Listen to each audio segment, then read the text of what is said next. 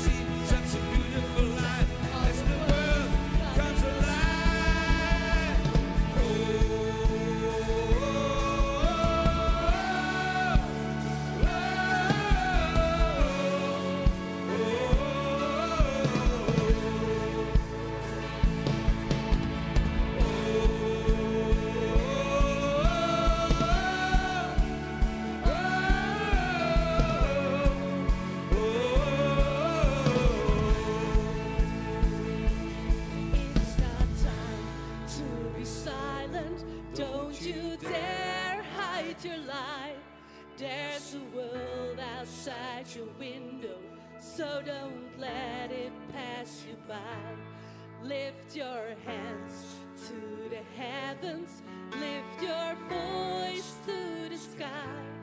Praise the Lord of all creation, let his name be lifted.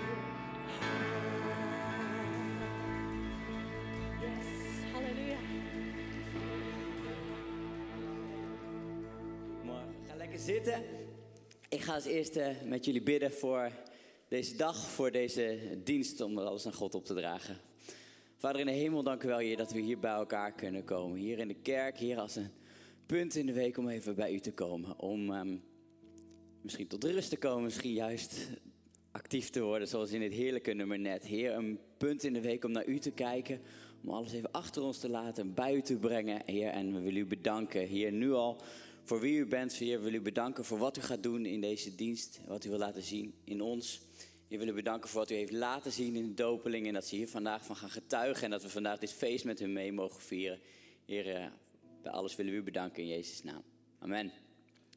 Zo, we hebben een feestelijke dienst vandaag. En eh, nou, jullie hebben het al gezien, het eh, mooie doopvond hier staat, staat klaar. We hebben een prachtige dienst. We zijn benieuwd wat we allemaal gaan horen en meemaken zo met elkaar.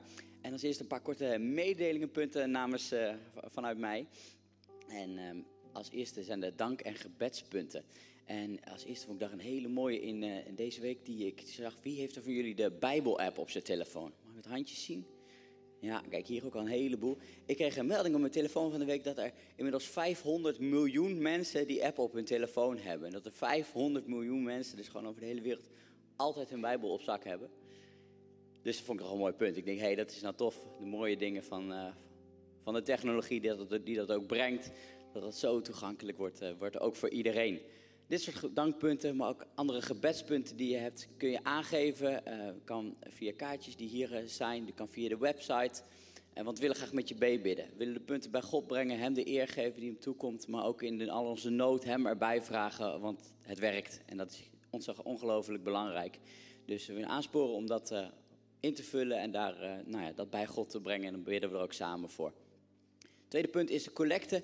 Graag bij jullie aanbevelen om ook financieel mee te bouwen, mee te geven. Om eh, alles wat we doen mogelijk te maken. Hier in de kerk, eh, in de wijk om ons heen, overal.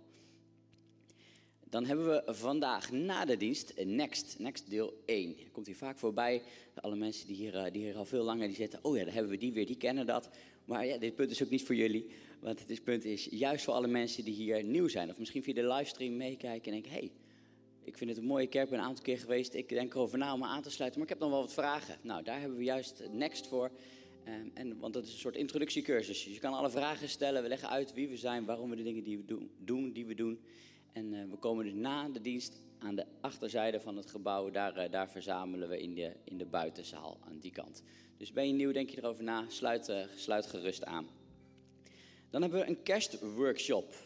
En dat eh, is voor alle creatieve mensen. We gaan lekker met elkaar eh, eh, een soort kerststukjes maken. Alles erop en eraan. Een hele gezellige avond. Het begint om half acht. Eindigt dan nou, ergens eind van de avond. Tegen een uur of tien waarschijnlijk. Ehm, we zijn 17,50 euro kost het. En daarmee heb je dan ook alle materialen. Dus daarmee voor 17,50 heb je een volledig verzorgde avond. En kun je samen mooie kerststukjes maken. En nou, uiteraard met een hapje en een drankje erbij. Een gezellige avond wordt daar ook En nog belangrijk is dat je je moet opgeven voor 6 december. En dat kan via de website zielsieleerwoorden.nl slash kerstworkshop. In verband met alle materialen en zo.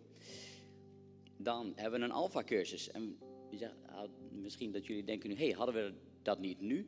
Ja, dat klopt. Dat is meer voor de jeugd. Dus de jeugd-alfa-cursus waar er meer dan 40 gaan meedoen, die loopt nu. Maar begin volgend jaar eh, gaat er een nieuwe alfa-cursus starten voor iedereen die maar wil. En de start is op 18 januari. En in tien avonden ga je daar met elkaar in een kleine groep eh, de hele basis eigenlijk van het christelijk geloof door. Wie is Jezus? Waarom moest hij sterven? Wie is de Heilige Geest? Genezing, hoe zit dat nou met God? Nou, in tien avonden interactief met elkaar de hele basis eh, helemaal door. Enorm interessant. Eh, dus een hele leuke, ehm, nou, hele mooie cursus om eens een keer aan mee te doen. En je kan ook daar meer informatie vinden natuurlijk via de website uh, slash alpha-cursus. En dan kun je daar alle informatie lezen. En, we zoeken ook nog een aantal kokers, want elke avond begint met samen eten. Dus heb je eh, zin om zelf of met een connectgroep bijvoorbeeld, of met een groep om je heen te koken, dan kun je dat aanmelden via alpha.clcleeuwarden.nl. En dan zijn we bij het laatste punt. En traditiegetrouw is dat natuurlijk de Bijbelvers Challenge. Dus we gaan kijken wat Eddie van der Meer ervan gemaakt heeft. Goedemorgen gemeente. Fokker, dankjewel voor je nominatie. Uh, de tekst die ik uh, voor vandaag uitgezocht heb komt uit 1 Corinthians 13, vers 1 tot 3. En die lees ik voor uit de nieuwe MBV 21 vertaling. Als sprak ik de talen van alle mensen en die van de engelen, had ik de liefde niet, ik zou niet meer zijn dan een dreunende gong of een schallende cymbaal. Al had ik de gave om te profiteren en doorgrondde ik alle geheimen, al bezat ik alle kennis en had ik het geloof dat bergen kan verplaatsen, had ik de liefde niet, ik zou niet zijn. Al verkocht ik mijn bezittingen omdat ik voedsel aan de armen wilde geven, al gaf ik mijn lichaam prijs om te worden verbrand, had ik de liefde niet, het zou mij niet baten. Um, het gaat hier om die onvoorwaardelijke liefde, die agape-liefde die God ook voor ons heeft en die wij ook voor andere mensen moeten hebben, ondanks zijn of haar eigenaardigheden of mening. En kunnen we dan die liefde nog, uh, ja, nog uiten, die onvoorwaardelijke liefde? Wat we ook doen op ons werk, op school of uh, thuis, of zelfs als we in onze bediening zitten in onze gemeente. Als we het zonder liefde doen, ja, dan, dan is het helemaal niks waard. Het is best een uitdaging om uh, iedereen zonder oordeel lief te hebben. Maar ik wil proberen om dat iedere dag te doen. Voor de volgende keer nodig ik uh, Fakkie uit om uh, de challenge te doen. heel veel succes en ik wens jullie nog een liefdevolle zondag.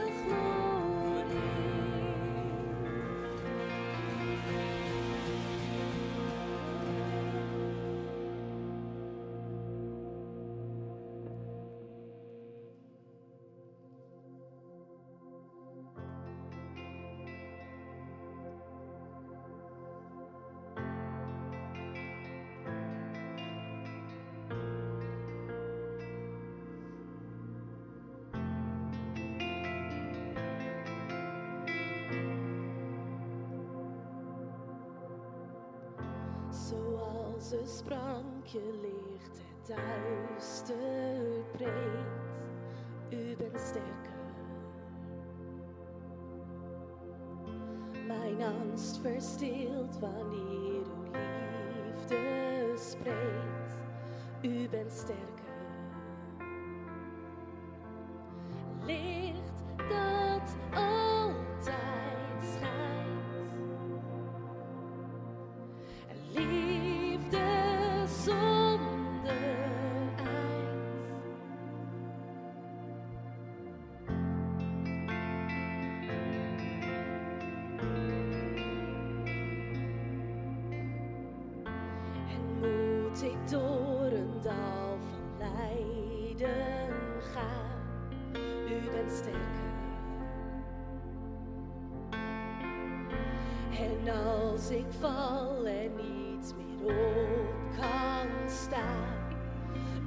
Steadicam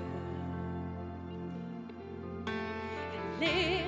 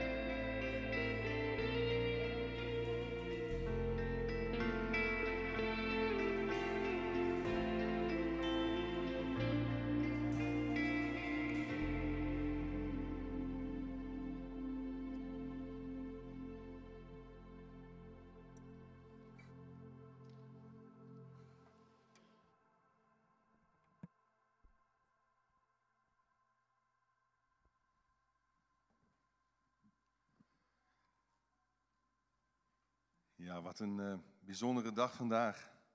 Fijn om zo weer bij elkaar te zijn en anders ook online bij elkaar te zijn, verbonden te zijn. En om getuige te mogen zijn van een, een doopdienst, dat is altijd een feest. Een bijzondere aangelegenheid. We gaan straks Sophie Rijpma en Jeroen Rijpma dopen. Lex van Dongen, Sandra de Bree en Herman Becker. En dan zien we naar uit met z'n allen, met elkaar. Maar eerst wil ik ingaan op het thema van vandaag. En dat is een kerk vol vergeving is een kerk vol genezing. Een best wel uitdagend thema. We zijn bijna aan het eind gekomen van de boeiende Jacobusbrief. En ik hoop dat jullie allemaal genoten hebben. Ook als je thuis meekijkt, of via de pop-up livestream in Heerenveen, hier in de zaal. Ik hoop dat jullie genoten hebben. In jullie connectgroepen. Misschien persoonlijk. In je eigen stille tijd. Ik hoop dat deze brief onze relaties heeft aangescherpt. Onze relatie met God, onze relatie met elkaar. En dat we meer verdieping hebben ervaren in ons geestelijk leven hierdoor. Want dat is ook het doel van het woord van God. Het vormt ons, het kneedt ons naar het beeld van Jezus Christus. En dat is natuurlijk een heel proces. Dat gaat ons leven lang door. Het houdt niet op. En zo is ook de doop niet een, een, um, een eindpunt of een, een, een punt ergens in het midden van je avontuur, je geestelijke reis met, met God. Nee, het is, het is een startpunt. het is, het is een, een, een ja, heel belangrijk punt van markering. Je, je, je zegt heel duidelijk, ik ga nu vanaf dit moment met Jezus leven. En je hebt daarvoor gekozen al natuurlijk al eerder, maar je, je gaat het bevestigen door je te laten onderdompelen in water. En het oude leven, als het ware, wordt begraven en je staat op in nieuwheid van leven. Zo schrijft Paulus. Maar we gaan met elkaar duiken in Jacobus hoofdstuk 5, vers 13. Daar staat, als een van u het moeilijk heeft, laat hij bidden. Is hij vrolijk, laat hij een loflied zingen. Laat iemand die ziek is, de oudsten of de leiders van de gemeente bij zich roepen. Laten ze voor hem bidden en hem met olie zalven in de naam van de Heer. Het gelovige gebed zal de zieke redden en de Heer zal hem laten opstaan. Wanneer hij gezondigd heeft, zal het hem vergeven worden. Daarom beken elkaar uw zonden en bid voor elkaar. Dan zult u genezen. Want het gebed van de rechtvaardige is krachtig en mist zijn uitwerking niet. Elia was een mens als wij. En nadat hij vurig had gebeden dat het niet zou regenen, is er drieënhalf jaar lang geen regen gevallen op het land. Toen bad hij opnieuw en de hemel gaf regen en het land bracht zijn vrucht weer voort. Wat een tekst, wat een passage. Vandaag gaan we dus inzoomen op het machtigste strijdmiddel dat God ons in handen heeft gegeven. En dat is gebed. Gebed. De sleutel tot vergeving en genezing is een levensstijl van gebed in de gemeente. Het werkwoord bidden komt in dit gedeelte maar liefst zeven maal voor. Zeven keer. Jacobus, hij was een autoriteit, zou je kunnen zeggen, op het terrein van gebed. Hij was waarschijnlijk de broer van Jezus. Hij had Jezus vaak zien bidden, zich zien terugtrekken naar eenzame plaatsen om de Vader te zoeken. En hij had ook de bijnaam, ik weet niet of je dat weet, kamelenknie gekregen. Kamelenknie. Vanwege de eeltvorming op zijn knieën door het vele bidden. Bidden dat dat is, wat is dat? Dat is vragen, dat is praten, dat is smeken, dat is beleiden. Dat is uitspreken wat er in je hart leeft en speelt. En dat, dat uiten naar God toe. Bidden is niet, niet vaag. Bidden is, is specifiek. Je mag concreet zijn. Je mag specifiek zijn in datgene wat je vraagt. Iemand bad eens dit gebed. Mogen uw tandarts, uw cardioloog, uw uroloog, uw gynaecoloog, uw loodgieter en uw tandarts niets naars vinden. En die persoon ging verder. Mogen uw facelift, uw buikspieren en uw aandelen niet zakken. En mogen uw bloeddruk, uw cholesterol en hypotheekrente niet stijgen. Nou, wat je ook van dit gebed mag denken en vinden, het is in ieder geval specifiek. Het is concreet, het is niet vaag. En dat mogen wij, wij hoeven niet een hele omhaal van woorden uit te spreken om indruk te maken op God of, of mensen. Nee, gebed is gewoon heel eenvoudig. Zeggen wat je wil zeggen aan God. Het is ons grootste voorrecht. Het is de plek waar hemel en aarde elkaar raken. En het is zonder twijfel iets waar we veel te weinig vaak mee bezig zijn. Misschien veel te weinig doen. Het is als ademen. Het is voortdurend als het ware gedachten naar God uit laten gaan. Maar wat is vaak de eerste reactie op de dingen die gebeuren in je leven, op de moeilijkheden, de negatieve, slechte ervaringen in je leven? Vaak is dat piekeren, of niet? Als er ruzie is, als er pijn ontstaat in je hart, dan ga je piekeren. Of, of je, je raakt in paniek. Maar Jacobus zegt, ga praten, ga praten met God, ga bidden.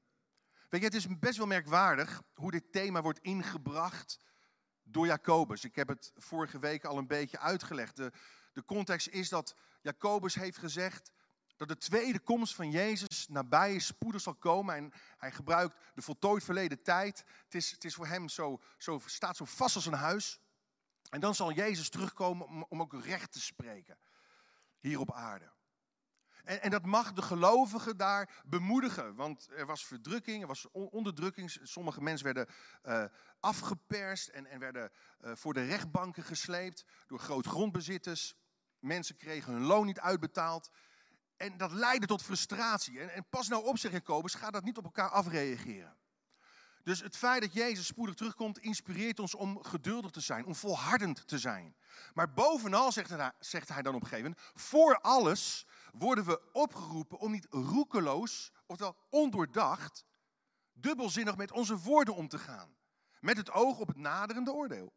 Hij zegt, lees mee, Jacobus 5, vers 12, dat is scharnier naar de tekst die we zojuist hebben gelezen. Bovenal, vooral broeders en zusters, zweer geen enkele eed. Ga niet zweren.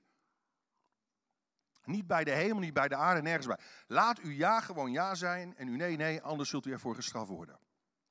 Nou, waarom zegt hij dat? En dan moet je ook weer kijken naar de context van de hele brief. Want geestelijke volwassenheid uit zich het meest in de manier waarop we over elkaar praten en met elkaar praten. De eed, oftewel het zweren en het gebed, liggen beide op verticaal vlak. Het vlak van de verhouding tot God. En die, in die tijd, toen Jacobus dit schreef, gebruikte men het zweren om, om eigenlijk een bepaalde onbetrouwbaarheid te camoufleren.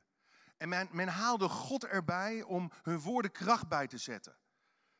Maar er was sprake ondertussen van kwaadsprekerij. Men veroordeelde elkaar uit jaloezie en uit hebzucht. Daarom zegt hij, laat je ja ja zijn, je nee nee. Als je in eenvoud met elkaar omgaat en je woorden zijn oprecht en zuiver en helend en, en vredestichtend, dan is het zweren niet meer nodig. Dus niet zuchten, niet zweren, maar zegenen. Zegen elkaar, bid voor elkaar. Laat je ja ja zijn en je nee nee. Nou, in de tekst die we hebben gelezen gaan we zo kijken naar drie omstandigheden waarin wij sowieso God moeten opzoeken in gebed. Bid onophoudelijk, zegt Paulus. Maar er zijn met name drie fases in ons leven waarin we sowieso God moeten opzoeken in gebed. Wanneer bidden? Allereerst als ik emotioneel te lijden heb. Emotioneel te lijden heb. Hoe moet ik reageren op moeilijkheden? En Jacobus geeft ons voorbeelden uit het leven van elke dag. Hoe, hoe reageer ik op situaties van verdriet, maar ook van blijdschap, van, van zwak zijn, van ziek zijn? Heeft iemand van u te lijden, zegt hij, laat hij bidden. Of een andere vertaling, als een van u het moeilijk heeft, laat hij bidden. Nou, er zijn dus verschillende vertalingen mogelijk. Vandaar dat ik even gekeken heb naar de grondtekst. Het woord voor lijden, dat Jacobus gebruikt hier, is hetzelfde woord dat hij gebruikt in hoofdstuk 5, vers 10. En dan beschrijft hij het lijden van de profeten. Mensen die namens Gods wegen hebben gesproken tot het volk van Israël en de richting hebben gewezen. En, en het gaat hier om, om slechte, negatieve of moeilijke omstandigheden en ervaringen. Dus welke vorm van leed of verdriet er ook op je af is gekomen. Keer je in gebed, in vertrouwen tot God. Kijk naar de profeten in het Oude Testament. Jeremia, hij leed onder smaad. Ezekiel, hij leed onder persoonlijk verlies. Hosea, hij leed onder de breuk in zijn huwelijk. Dus het woordje lijden slaat hier op iedere situatie die op ons af kan komen en waardoor we emotioneel geraakt worden, misschien wel gewond raken. Iedere beproeving waarin wij kunnen zeggen, het zit niet mee. Het zit niet mee op mijn werk. Het zit niet mee op mijn school. Het zit niet mee, misschien in mijn huwelijk. Betrek God erbij. Het kan een lijden zijn, dus als gevolg van dingen waar je op dit moment doorheen gaat. Een lijden van dingen die in je verleden zijn gebeurd. Het kan een medelijden zijn met de omstandigheden van een ander. De Bijbel zegt namelijk dit: wees blij met wie zich verblijdt en, en heb verdriet met wie verdriet heeft. Je bent solidair. Dus wat doe je? Je gaat bidden voor elkaar. Maar Jacobus is eerlijk. Hij zegt ja, maar het hoeft niet altijd slecht te gaan. Dus het is niet zo, oh als het slecht met mij gaat, als ik het moeilijk heb, dan pas ga ik bidden. Nee, God nodigt dus ons altijd uit om te bidden. Of, of wat? Lofprijzen. Wat als alles helemaal naar wens gaat? Kijk, problemen in je leven kunnen aanleiding geven tot verwaarlozing van je geestelijk leven. Dat je je terugtrekt, je isoleert ook van God. Maar tijden van voorspoed, van geluk, van zegen kunnen net zo goed leiden tot geestelijke zelfgenoegzaamheid en onafhankelijkheid. Anatomie, ik heb God niet nodig, zodat we God vergeten. Dus zowel op pijn en moeite als op geluk en blijdschap moeten we leren om de juiste reactie te hebben.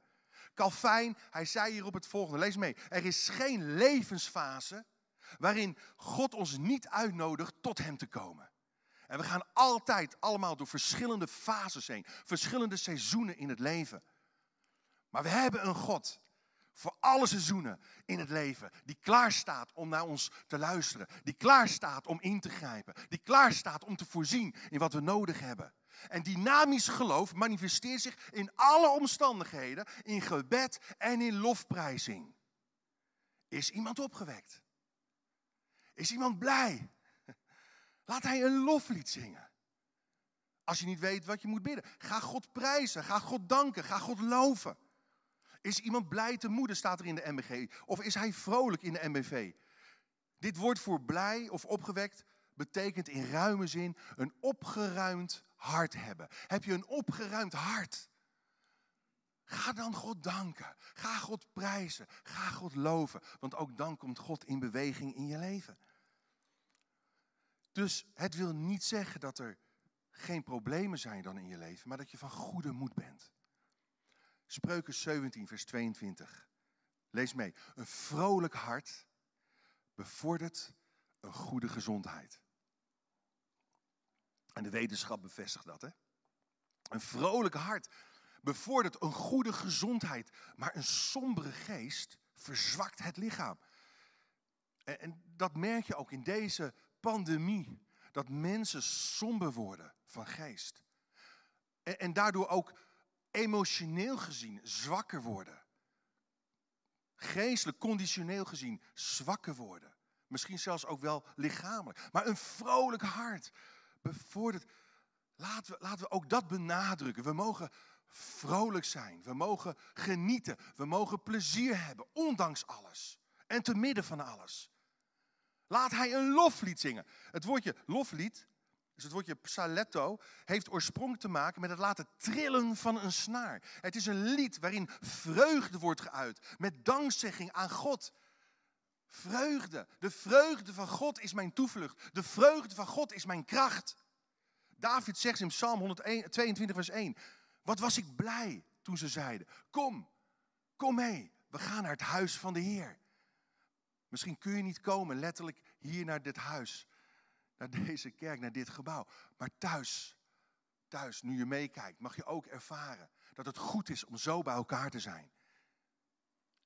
In Psalm 138 lees je mee, daar staat dit vers 1. Heer, ik wil u eren met hart en ziel. Ik wil een lied voor u zingen, ten aanhoren van alle goden. Ik zal neerknielen, mijn gezicht naar uw heiligdom en u prijzen om uw liefde, om uw trouw. Want u doet uw woord gestand, u houdt uw naam in ere. Ga dan zingen als je blij bent. Ga zingen als je een opgeruimd hart hebt. Wanneer moet ik nog meer bidden? Ten tweede, als ik lichamelijk te lijden heb. Als ik lichamelijk te, lijden heb. Lichamelijk. Maar niet alleen lichamelijk hebben we dus gehoord. Ook als ik emotioneel te lijden. Maar ook als ik lichamelijk te lijden. Is iemand van u ziek? Laat hij de leiders van de gemeente roepen. Ze moeten een gebed over hem uitspreken. Hem met olie zalven. En het gelovige gebed zal de zieke redden. En de Heere zal hem oprichten. De MBV-vertaling. En als hij zonde heeft begaan, zal het hem vergeven worden. Nou, lees u mee. Wat interessant is, is om te kijken naar hier ook de grondtekst van, het, van wat het woordje ziek betekent. Het woord ziek, dat hier gebruikt wordt, betekent letterlijk zonder kracht.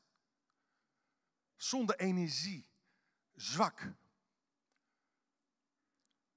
Zwak. De oorzaak kan dus zowel fysiek als psychisch zijn. En het is interessant om te weten dat dit woord in het Nieuwe Testament twintig keer gebruikt wordt om lichamelijke ziekte aan te duiden. Maar veertien keer om een psychische of geestelijke zwakheid aan te geven. Het kan dus ook betekenen, lees mee, dat je uitgerangeerd bent. Dat je uitgeput bent, vermoeid in de geest, gevloerd. Niet in staat om overeind te komen. We hebben dat mooie lied gezongen, Sterker. De Heer helpt ons weer overeind. Als wij het niet kunnen.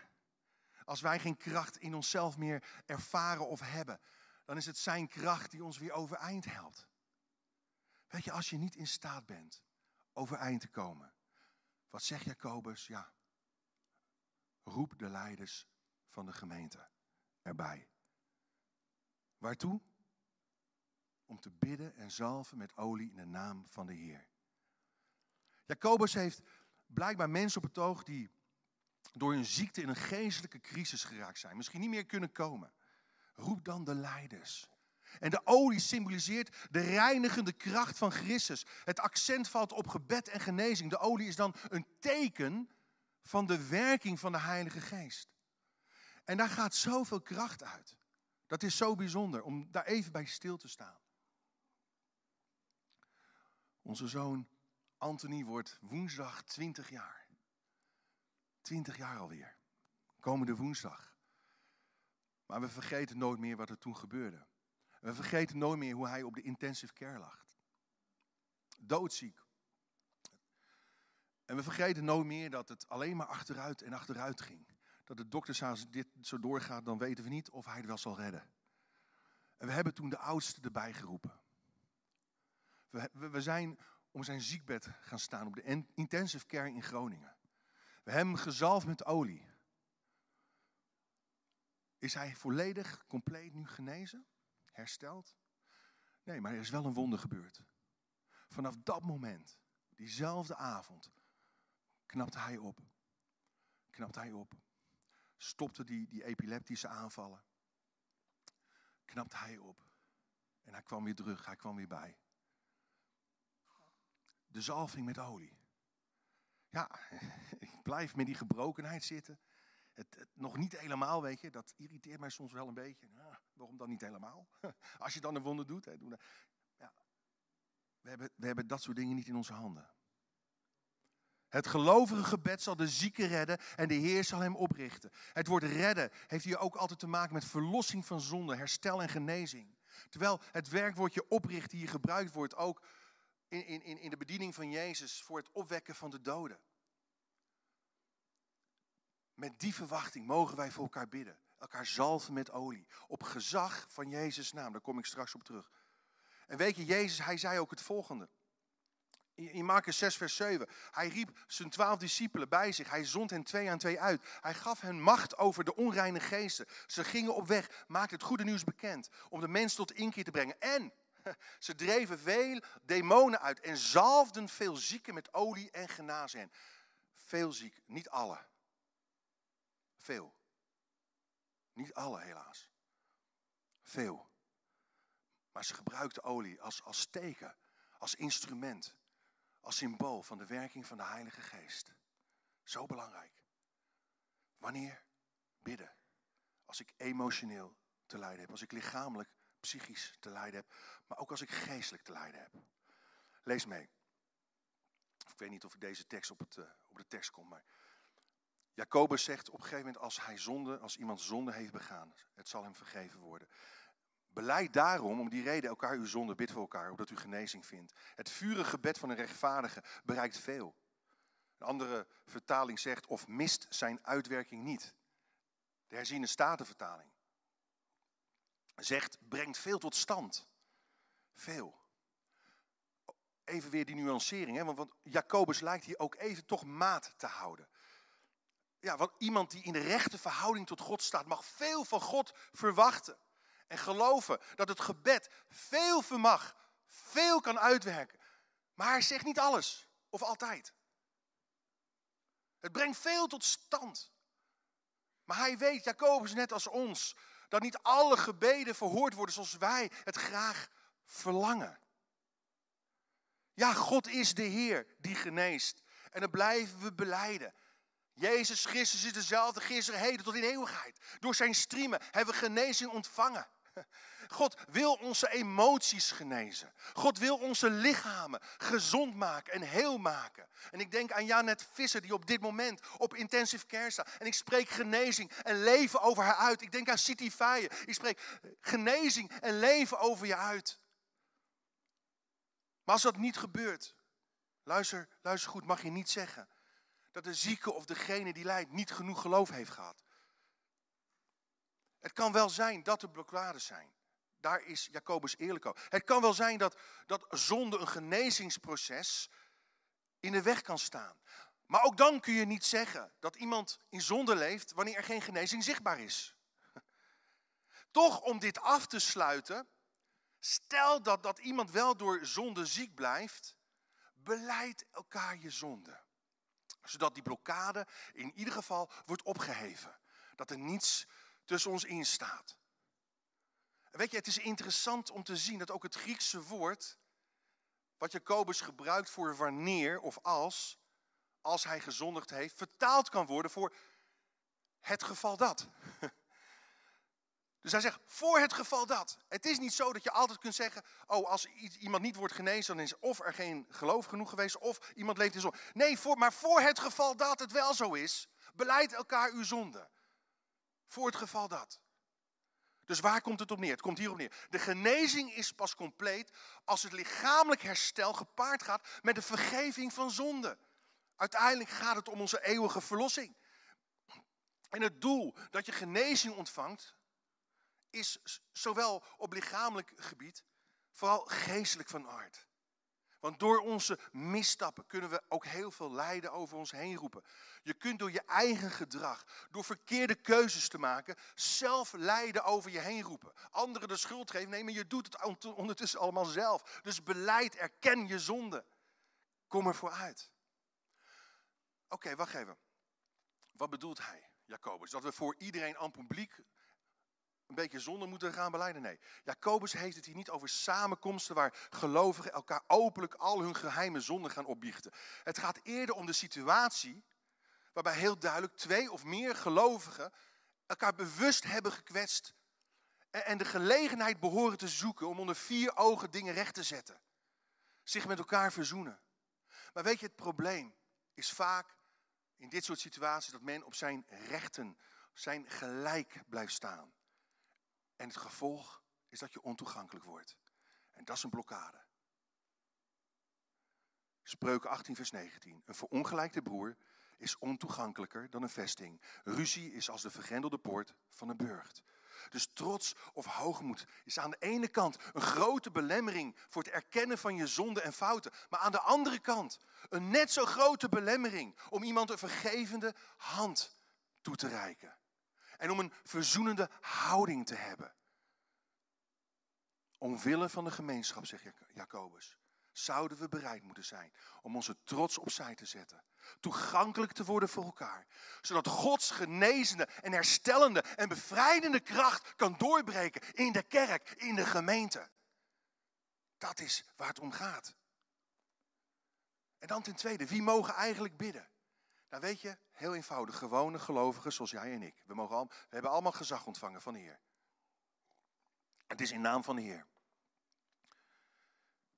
En, en hij gebruikt Elia als voorbeeld. En ik zal hier niet te, ver op in te gaan, niet te veel op ingaan. Volgende week komt Erod van de Ridder hierover spreken. Maar Elia was een mens als wij, met gelijke aandoeningen, gelijke ervaringen. En, en hij leed aan dezelfde dingen, dingen. Toch, als hij begon te bidden, gebeurde iets bijzonders. Wonderen vonden plaats. En we kennen allemaal dat verhaal op de Karmel. Dat de, de profeten van de Baal worden uitgedaagd. En de ware God zou het offer met vuur verteren. En zij roepen en ze, ze maken zichzelf insnijdingen. En er gebeurt helemaal niks. En, Elia laat water eh, over dat offer gieten. En, en nog meer water en nog meer water. Tot het overstroomt. En op een gegeven moment antwoordt God met vuur. En, en, en de God die met vuur zou antwoorden is de ware God. De God van Israël, de levende God, de schepper van hemel en aarde. En wauw, wat een overwinning op de Baal-profeten en de valse afgoden. En toch, er is maar één woordje nodig van Izebel. Eén woord van bedreiging, één woord van intimidatie. En hij vlucht en hij zegt, Heer, neem mijn leven. Ik heb er genoeg van. Hij was een mens als wij. Ook hij was bang. Ook hij was onzeker. Ook hij wist het soms ook niet meer. Ook hij was, was soms eenzaam en, en bezorgd. En hij wist het. Maar hé, hey, is dat geen bemoediging? Want wat leren we hieruit? Je hoeft niet volmaakt te zijn om een krachtig en effectief gebed uit te kunnen spreken. God gebruikt gewone mensen zoals jij en ik. Tot slot, heel kort, een paar praktische meenemers. Hoe kan ik effectief bidden? En ik heb toevallig deze week nog een, een heel mooi bijzonder gesprek gehad met een jonge vrouw die het geloof weer wil oppakken en, en gevraagd heeft of Angelique en ik met haar willen praten. Haar willen helpen daarbij. En het is zo mooi om te zien hoe ontvankelijk dan iemand is die, die net weer tot geloof komt. En, en ja, maar mag ik dan wel bidden? Hoe, hoe, hoe, hoe zit het met, met uh, het gebed? Ik voel me soms best wel schuldig, want er zijn mensen die misschien wel veel slecht hebben. En dat soort gewoon eenvoudige vragen. Dus daar wil ik kort op ingaan. Maar hoe kun je effectief bidden? Door gewoon te vragen in Jezus' naam. In Jezus' naam. De enige reden, zei Jacobus, dat u niet hebt wat u wil, is omdat u er God niet om vraagt. Dus durf God te vragen, altijd. Waar je ook mee zit. Stop ermee om bang te zijn om God te storen met jouw kleine dingetjes. Want God is geïnteresseerd in de kleinste details van jouw bestaan, van jouw leven. Dus denk niet te min over jezelf. En, en om eerlijk te zijn heb ik er ook wel eens last van. Het belemmert mij soms best wel eens om tot God te naderen. Waarom zou ik God lastigvallen? Met mijn dingetjes. Als ik kijk naar wat er om mij heen gebeurt. Als ik kijk naar wat er in Jemen gebeurt. Laten we eerlijk zijn. We hebben het gisteren op het nieuws gehoord. Een miljoen mensen en zoveel kinderen die lijden aan honger en sterven van de honger. En dan kom ik met mijn sores aan. Wat stelt het voor? Ah, laat maar. Nee, nee, nee. God weet alles. En natuurlijk het is goed om juist ook daarvoor te bidden. Maar dat wil niet zeggen dat je je eigen zorgen moet bagatelliseren. God betrekken bij je leven is namelijk de manier waarop je een relatie met Hem opbouwt. En Hem leert kennen. Dus blijf vragen, blijf zoeken. Vraag het in Jezus' naam. Dat betekent namens Jezus, op gezag van Jezus. En Jezus zei, ik verzeker jullie, wat je de Vader ook vraagt in mijn naam. In overeenstemming met mijn wil, dat, dat zal ik je geven. En dan ten tweede, door de juiste motieven te hebben. Want Jacobus zegt ook, als u erom bidt, krijgt u het nog niet, want u bidt verkeerd. U wilt alleen maar uw hartstochten bevredigen. Dat betekent dus dat sommige mensen alleen maar, in die zin alleen maar, op zichzelf gericht zijn. Ook op geestelijk gebied. Maar God ziet het hart aan. Soms doorziet hij jouw hart beter dan jij je eigen hart doorziet. Dus stel jezelf de vraag: is waar ik om vraag een middel, een mogelijkheid, waardoor God zich kan verheerlijken? Waardoor God kan baanbreken door mij heen? Of is het alleen maar gericht op mijn eigen willetje?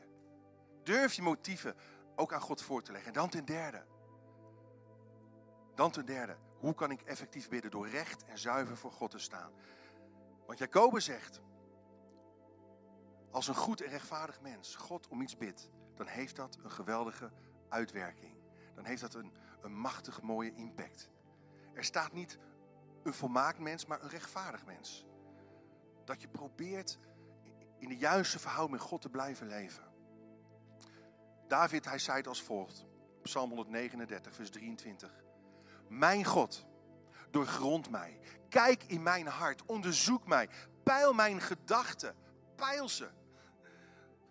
Draag ik van uw pad af te wijken, breng mij, mij dan terug op de weg naar u. Wat een mooi gebed.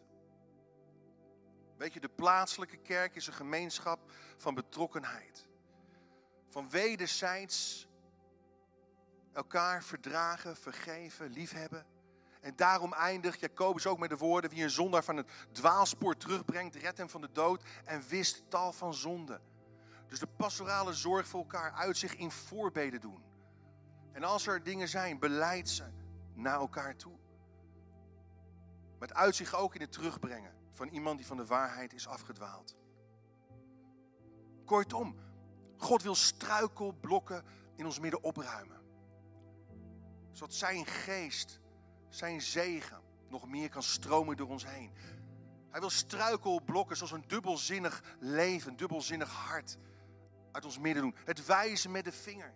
Het kwaadspreken over elkaar. Het beledigen van elkaar. Een conflicterende houding. Verbitterde naijver. Onreinheid. God wil ons vormen tot volwassen christenen. In ons doen en laten. In ons spreken en handelen. Zodat we uit één stuk gesneden zijn. Dat is namelijk wel volmaakt. De betekenis van volmaakt. Gaaf zijn, heel zijn. Zullen we ons hoofden buigen. Onze ogen sluiten. Ook als je thuis bent. En als je emotioneel misschien op dit moment te lijden hebt.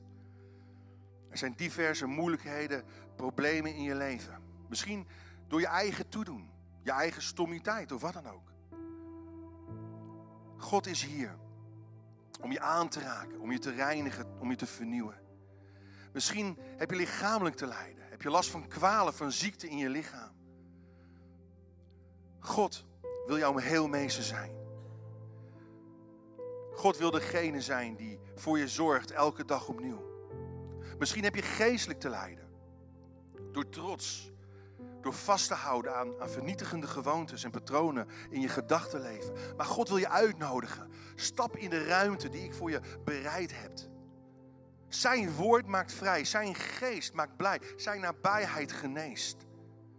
Hij wil je wijsheid van boven geven. Ik wil je zegenen met zijn wijsheid. Een wijsheid die voor alles zuiver is. Voor alles vredelievend is. Vriendelijk en redelijk. De wijsheid van God is vol van medelijden, rijk aan goede vruchten, onpartijdig en oprecht. En gerechtigheid groeit waar vrede is. En Jacobus zegt, wie vrede zaait, zal gerechtigheid oogsten. Wie vrede zaait, Ga vrede zaaien. Ga vrede stichten. Ga bruggen slaan van vrede, van harmonie. Zoek het welzijn op van de ander. Zoek het goede op in de ander. Zie het goede in de ander en haal dat naar boven. Zaai vrede. Dan zal je gerechtigheid in je leven gaan oogsten. Zo wil ik je zegenen met deze woorden. In Jezus' naam. Amen.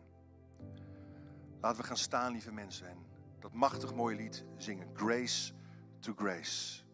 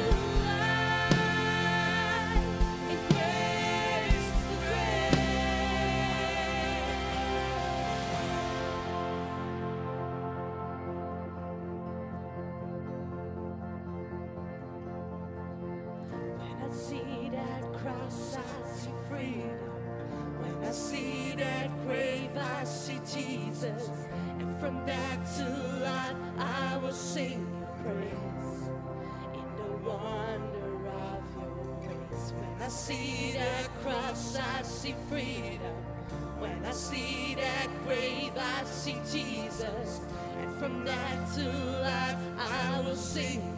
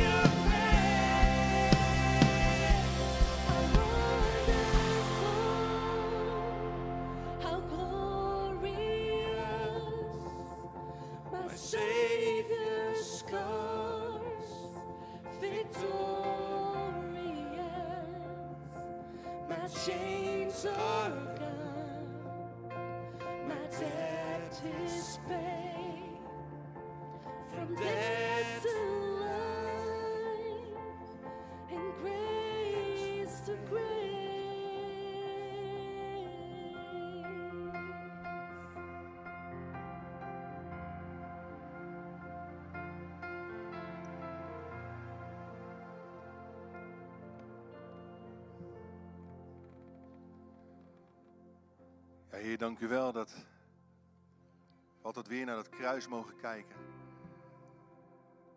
Daar hebt u geleden voor onze vrijheid. Geleden voor onze genezing. Geleden voor onze redding. En Heer, we willen ook de dopelingen zegenen die hun verhaal gaan vertellen. In Jezus' machtige naam. Amen. U mag plaatsnemen. En ik wil vragen aan de dopelingen om hier te gaan komen staan. Sophie en Jeroen Rijpma, Lex van Dongen en Sandra de Bree en natuurlijk ook Herman Becker. Kom maar hier, eh, de eerste, de, ja. Sophie.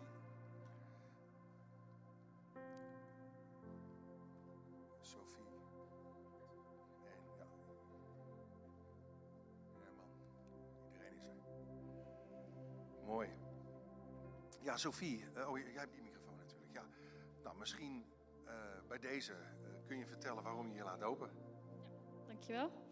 Eh nou, fijn om hier te kunnen zijn in de kerk met iedereen. En ook bijzonder met familie en vrienden die het ook mogen volgen en de hele gemeente. Ik ben Sophie, ik ben eh, 35 jaar en nou, vandaag wil ik voor God staan, me laten dopen. Hij is mijn hemelse vader, beschermt mij en herkent mij van jongs af aan, door en door. En ik dank hem voor zijn hand op mijn leven. In mijn leven ben ik door diepe dalen gegaan, maar ook hele mooie gebeurtenissen. Eh, het is een proces, zoals we ook in de kerkdienst al hoorden, dat eh, God met je mee mag gaan. Het eindigt niet bij de doop. Ehm, toen ik op kamers ging in Leeuwarden, was ik zoekende naar mezelf en mijn identiteit. En ik zocht God. En vanaf toen begon al mijn levendige relatie met God. En ik dank ook mijn ouders en mijn familie voor mijn gelovige opvoeding hierin. Nou, er gebeurde veel. Ehm, ik trouwde met Jeroen in de kerk. En eh, we hebben ook drie mooie kinderen gekregen. Die zullen jullie ook nog wel leren kennen, denk ik. En eh, nou, liefde en gezondheid, moeilijke tijden, kende ook ons huwelijk. En eh, nou, bij wie niet. Maar hiermee merkte ik echt dat het geloof een uitdaging was. Maar als je volhoudt, God altijd bij je is. En eh, dat ik hier nu sta, is ook een gevolg van Gods leiding in mijn leven. En de bevestiging van mijn geloof. Eh, lieve Heer Jezus, wilt u mijn relatie met u nog meer vormgeven en intens maken. U wil ik dienen mijn leven lang. Amen. Amen. Ja, Jeroen. Waarom ja, laat jij je dopen? Ja, eh, mij was ook wel gevraagd om te zeggen waarom ik me laat dopen. Ik vond dat ehm, heel moeilijk om op te schrijven. Ehm, gisteravond kwam Teun bij ons thuis en die zei tegen mij Colossense 3. En dat verwoordt eigenlijk alles waarom ik mij laat dopen. Ik heb veel meegemaakt in mijn leven, samen met Sofie ook. Veel, ehm, ja, echt heel veel meegemaakt. En altijd wou ik, uh, wou ik alles alleen oplossen en alleen doen. En ehm, dacht ik dat ik het allemaal wel kon. En sinds ik, nu sinds de tijd, Jezus meer mijn, eh, mijn leven laat leiden en Hem meer ehm, ja, de regie geven over mijn leven, merk ik dat alles beter gaat, dat het mooier wordt. En ja, wil ik Jezus alleen maar meer en meer ehm, mijn leven laten leiden, ons leven laten leiden. En ja, daar ben ik hem heel erg dankbaar voor. En daarmee wil ik dus ook met de doop mijn oude leven achter mij laten, waarbij ik alles alleen wil doen. En ik wil hem de leiding geven. Amen. Bedankt. Ja, kom maar hoor, Lex. En ook Sandra. Ja, mijn naam is Lex van Dongen. Allereerst bedankt dat ik hier eh, mag zijn. Ik kom hier nog niet zo lang. Ik ik wel heel vaak eh, livestream gekeken, zo ben ik hier ook een beetje terechtgekomen. Maar het voelt wel heel goed en ik ben hier al door verschillende mensen eh, welkom geheten. En ze hebben ook voor mij gebeden en daar wil ik jullie allemaal voor bedanken. Ik ben als baby al eens eh, gedoopt en dat is heel mooi. Ik ben eh, christelijk opgevoed, ik ging ook naar een christelijke school. Toch heb ik in mijn latere leven, toen ik volwassen werd, niet heel veel gedaan met het geloof. En er was altijd wel een stemmetje in mij ja, waarvan ik soms ook een schuldgevoel kreeg. En toch deed ik daar niet heel veel mee. Ik dwaalde wat af. En in deze zware tijd waarin we nu leven, heeft juist de COVID-lockdown, waar ik altijd erg op tegen was, er bij mij voor gezorgd dat ik ruimte kreeg om eens goed na te denken over het leven en op zoek te gaan naar antwoorden. En vooral ook om op zoek te gaan naar de waarheid. En die heb ik gevonden. God, ik wil u bedanken voor de richting die u mij wees en de tekenen die u mij gaf tijdens mijn zoektocht naar de waarheid. En Jezus voor het kruis. Hoe hij zijn leven heeft gegeven voor mijn zonde en dat hij daarna weer is opgestaan. Maar ook voor de kracht en de rust die hij mij geeft. En dank u Heer dat ik niet langer bang hoef te zijn. Ik heb er iemand bij gekregen die van mij houdt. En die was er eigenlijk altijd al, maar ik had het niet door. Ik zag dat niet, ik begreep dat niet. Nu zie ik het en daar ben ik u dankbaar voor. En dat wil ik dit keer eigenlijk als volwassene door middel van mijn doop laten blijken. Dat ik kies voor u. Sander, dan laat jij je dopen. Hallo allemaal, ik ben Sandra. En ik ben dankbaar dat ik hier vandaag mag eh, zijn om me te laten dopen.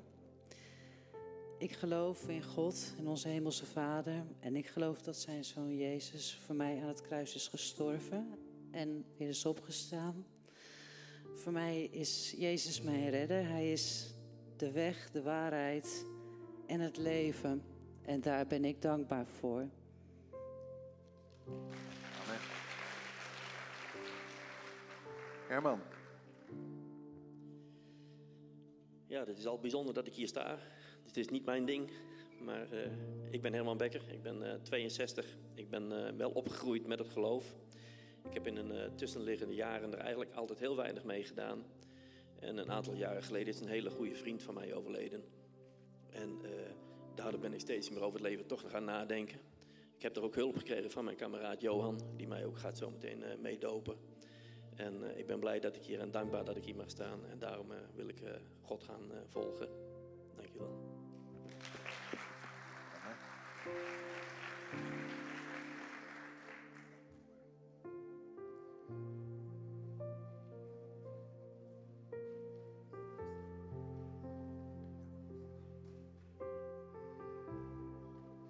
Is een, eh, moet ik zeggen, een bijzonder historisch moment, ook voor ons als echtpaar. We gaan voor het eerst, pas op, zoals je ziet, voor het eerst met elkaar samen eh, dopen. Is dat niet bijzonder?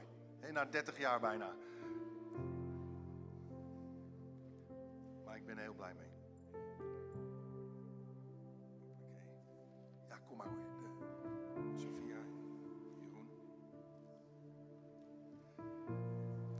Ja, de kosser heeft goed zijn best gedaan. Het eh, water is echt heerlijk warm.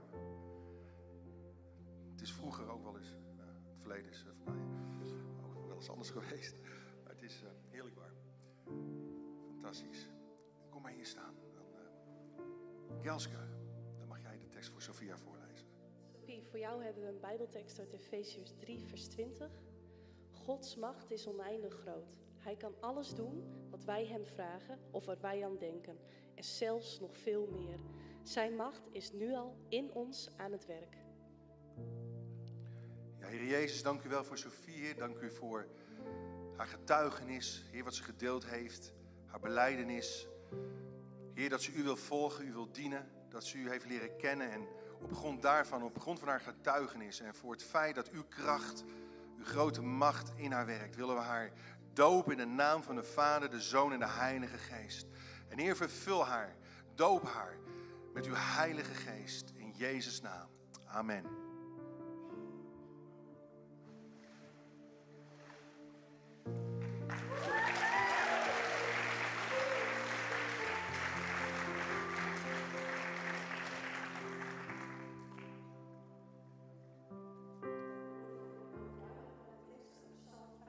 vers 12.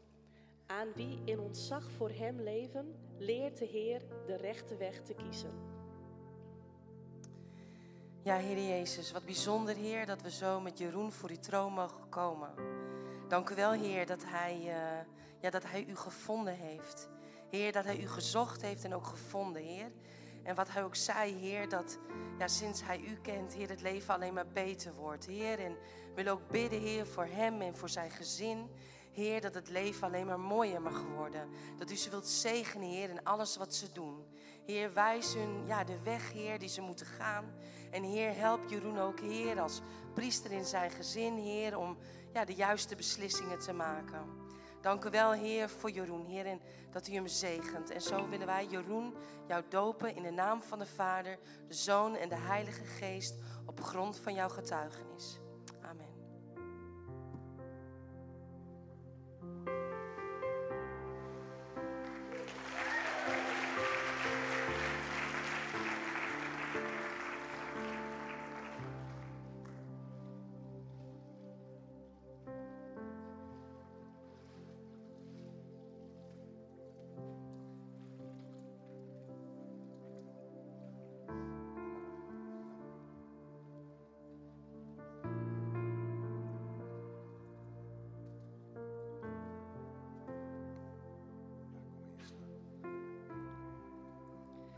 Lex, ook voor jou we een tekst uit Filippenzen 3, vers 13.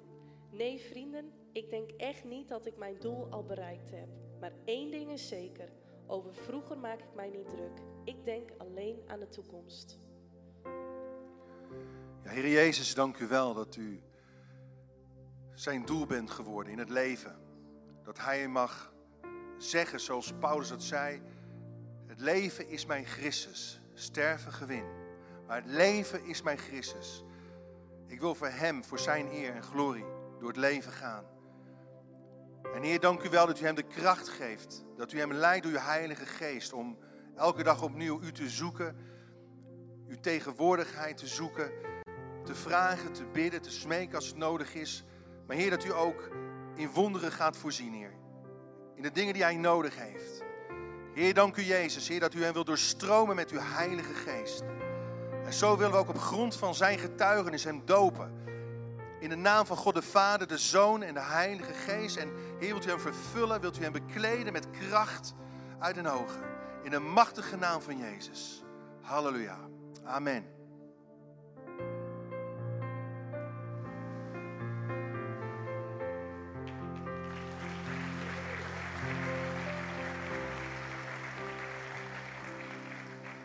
Jongen, die vrouw van mij, die kan wel dopen. Sandra, ook voor jou hebben we een tekst uit 2 Korintiërs 5, vers 15. Christus is voor alle mensen gestorven, maar voor ons is Hij niet alleen gestorven, maar ook opgestaan uit de dood. Ja, lieve Jezus, dank u wel voor Sandra. Dank u wel, Heer, voor haar mooie getuigenis. Heer, dat zij u gevonden heeft, Heer. En dat ze ja, een kind van u is, dat u voor haar gestorven bent. Dank u wel, Heer, voor ja, ook het speciale, Heer, dat ze samen met haar man gedoopt wordt. Heer, dat u ze aangeraakt hebt en dat u ze ja, echt getrokken heeft, Heer, in uw liefde. En Heer, wil ook bidden voor Sandra, Heer, dat ze verder mag gaan, Heer, dat ze ja, echt mag getuigen van u, dat ze echt uh, een licht mag zijn, Heer, voor de mensen om haar heen. Dat ze, Heer, mensen mag zegenen met haar aanwezigheid. Dat u haar wilt helpen, Heer, met alle dingen die ze doet. Heer, wilt u haar helpen, wilt u haar zegenen en wilt u haar bijstaan, Heer Jezus. En zo, Sandra, dopen we je op grond van jouw getuigenis. In naam van de Vader, de Zoon en de Heilige Geest. Amen.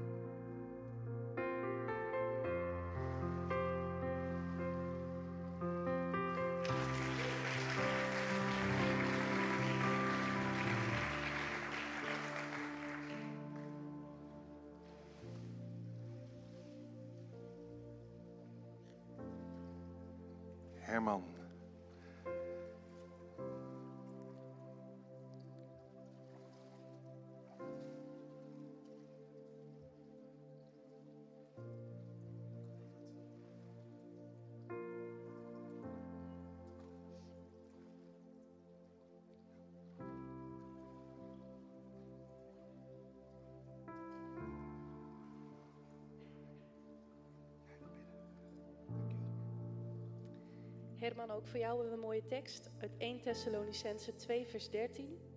Wij danken God dan ook onophoudelijk dat u zijn woord, dat u van ons ontvangen hebt, niet hebt aangenomen als een boodschap van mensen, maar als wat het werkelijk is, als het woord van God dat ook werkzaam is in u die gelooft.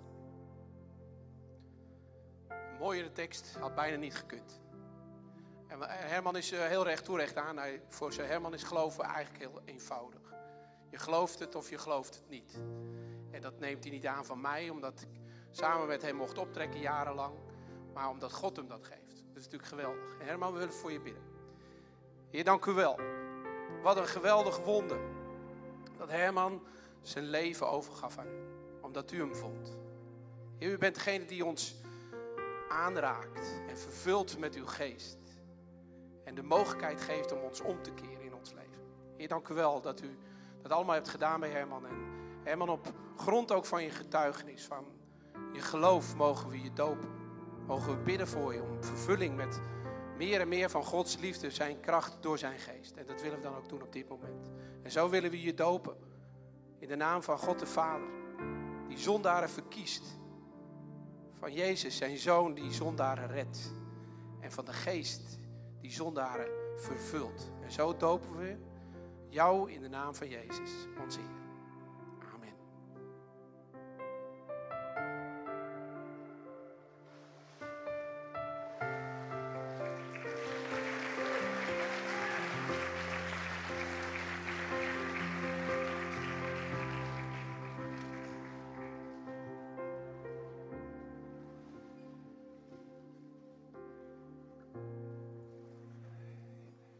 Ja, ik,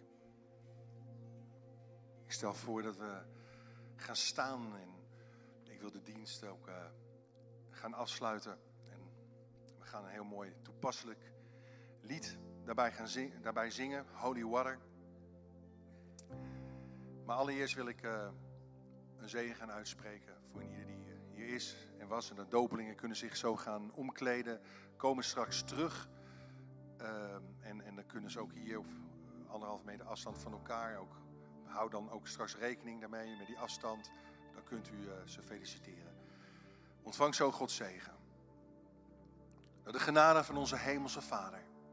En de liefde van Jezus Christus, onze Heer. En de troost, de kracht en verbondenheid van de Heilige Geest. Bij ieder van u mag zijn en blijven. Ga zo heen in de naam van Jezus. In zijn vrede. In zijn liefde. In zijn genade. Amen.